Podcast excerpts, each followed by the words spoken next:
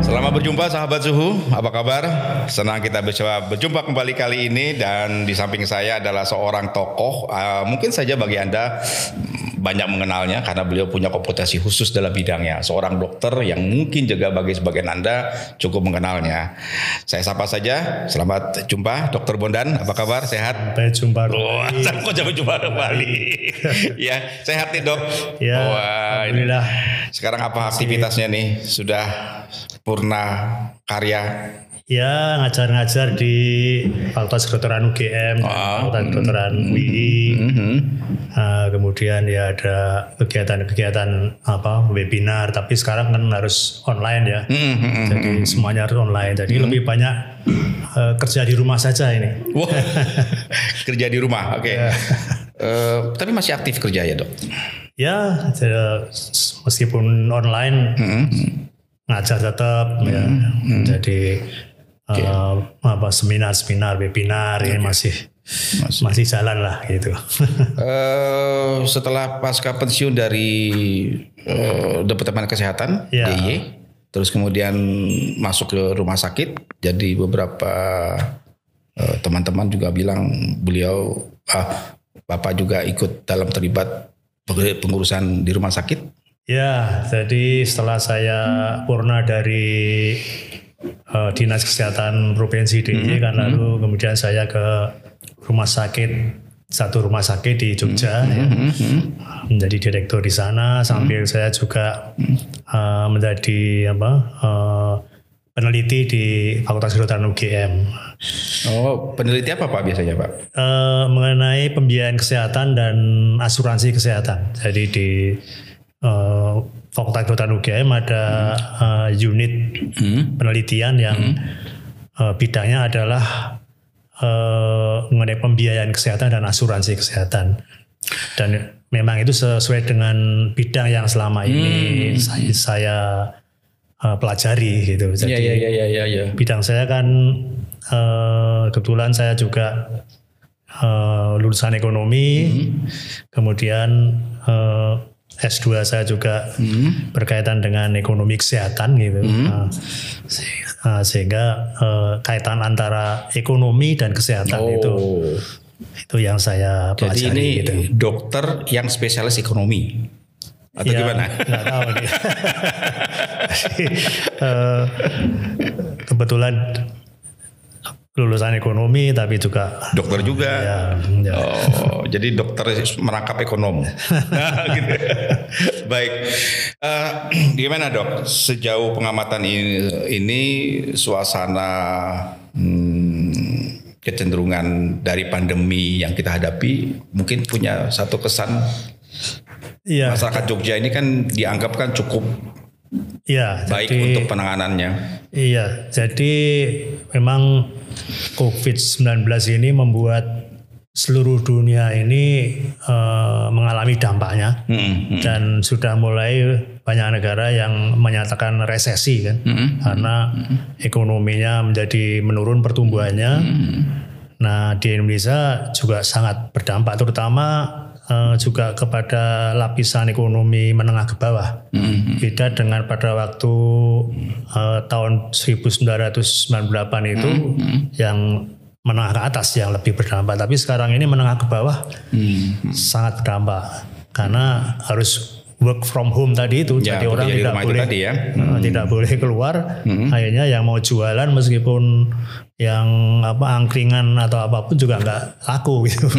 Sehingga itu berdampak kepada ekonomi ke bawah. Ini yang yang cukup berat. Sehingga kalau nanti berlama-lama memang jadi semakin sulit bagi masyarakat bagi rakyat itu nah bagi dari sisi kesehatan eh, COVID-19 ini memang eh, satu penyakit yang baru dari virus corona yang strain baru yang eh, meskipun angka kematiannya sekitar 3 sampai 5 persen, tapi ya eh, sangat apa namanya mencekam dan dan menjadi eh, mengkhawatirkan banyak orang gitu ya. Jadi karena itu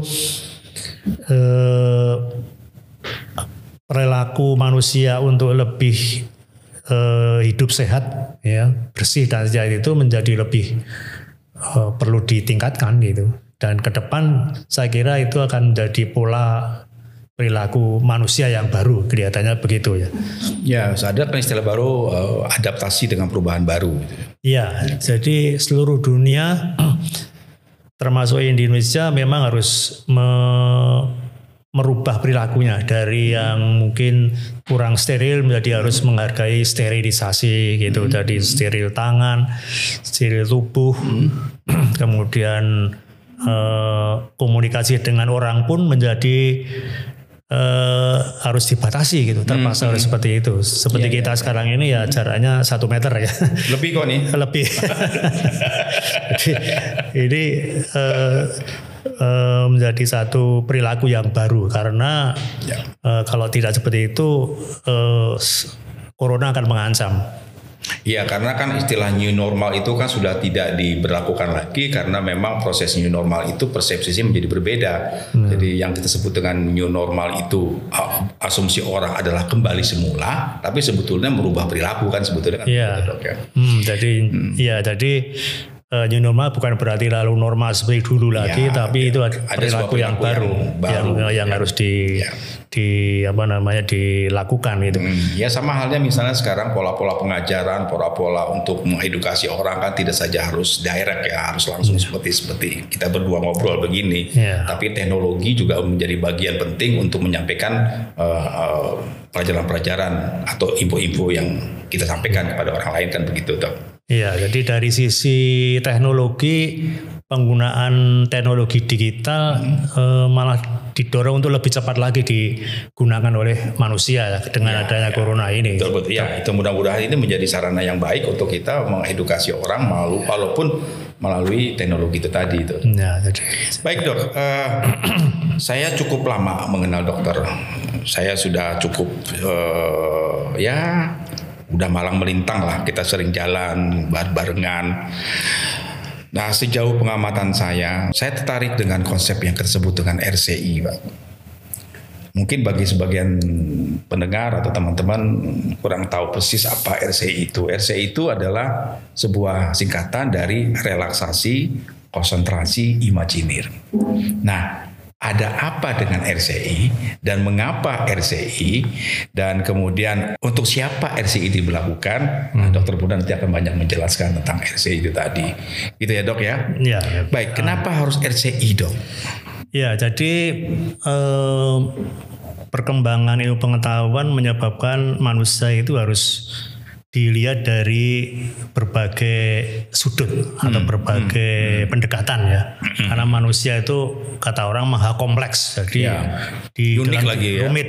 Oh, rumit di dalam diri manusia itu uh, banyak faktor, banyak aspek yang uh, dipunyainya. Hmm, hmm. Jadi kalau bisa disingkat menjadi apa biopsikososial dan spiritual. Jadi hmm. ada empat hal yang hmm uh, perlu dipertimbangkan. Hmm. Jadi hmm. tidak hanya fisiknya saja, hmm. Tapi bagaimana jiwanya, psiko, hmm. Hmm. kemudian bagaimana sosialnya, lingkungan hmm. sosialnya dan uh, spiritualnya. Spiritualnya. Nah, hmm. Dan sebetulnya masih ada lagi yaitu uh, aspek transendental antara hmm. manusia dengan alam semesta ini hmm. dan dengan Tuhan. Nah, hmm. keterhubungan antara hmm. manusia dengan alam, alam semesta. semesta dan Tuhan itu adalah aspek transendental. Hmm. Nah, karena itu saya uh, berpendapat bahwa pendekatan yang holistik, hmm. pendekatan yang menyeluruh gitu hmm.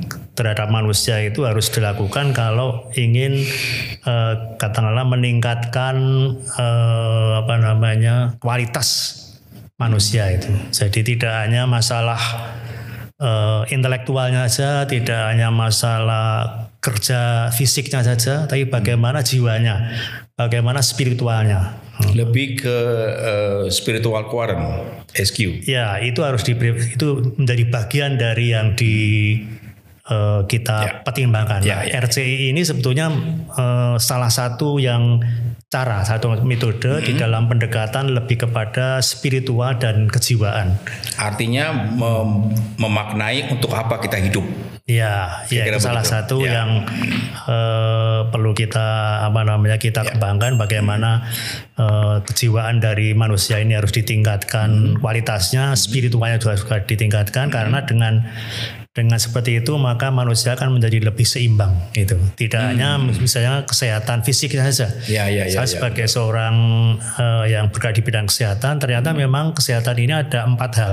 Hmm. Kesehatan fisik, kesehatan jiwa, Jiwa. ya, kesehatan sosial dan kesehatan spiritual. Hmm. Jadi kalau mau kita sehat tidak hanya fisiknya saja yang sehat, Hmm. tapi bagaimana jiwanya juga sehat, hubungan interaksi sosialnya sehat, dan spiritualnya hubungan antara Ya, kita dengan Tuhan itu juga harus baik. Itu kalau kita ingin sehat gitu. Nah, RCI ini eh, salah satu metode untuk eh, apa mencapai hal itu. gitu. Hmm, hmm. Nah, terutama di dalam hal kejiwaan dan juga spiritual karena kita tahu bahwa jiwa dan spiritual itu akan mempengaruhi kesehatan fisik juga. Ya, Jadi betul, kalau kita jiwa dan spiritualnya sehat maka akan mempengaruhi kesehatan fisik. gitu.